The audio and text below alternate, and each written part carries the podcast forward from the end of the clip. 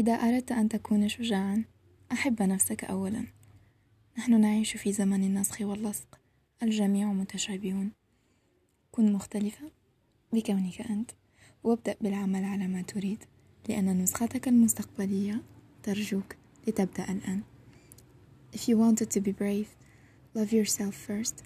We are living in copy-paste time. Everyone are alike.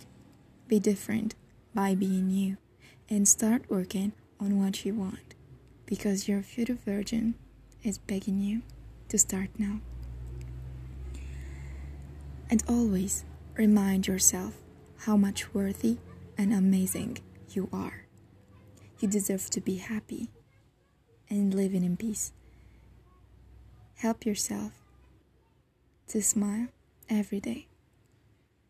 Be brave, be kind, and love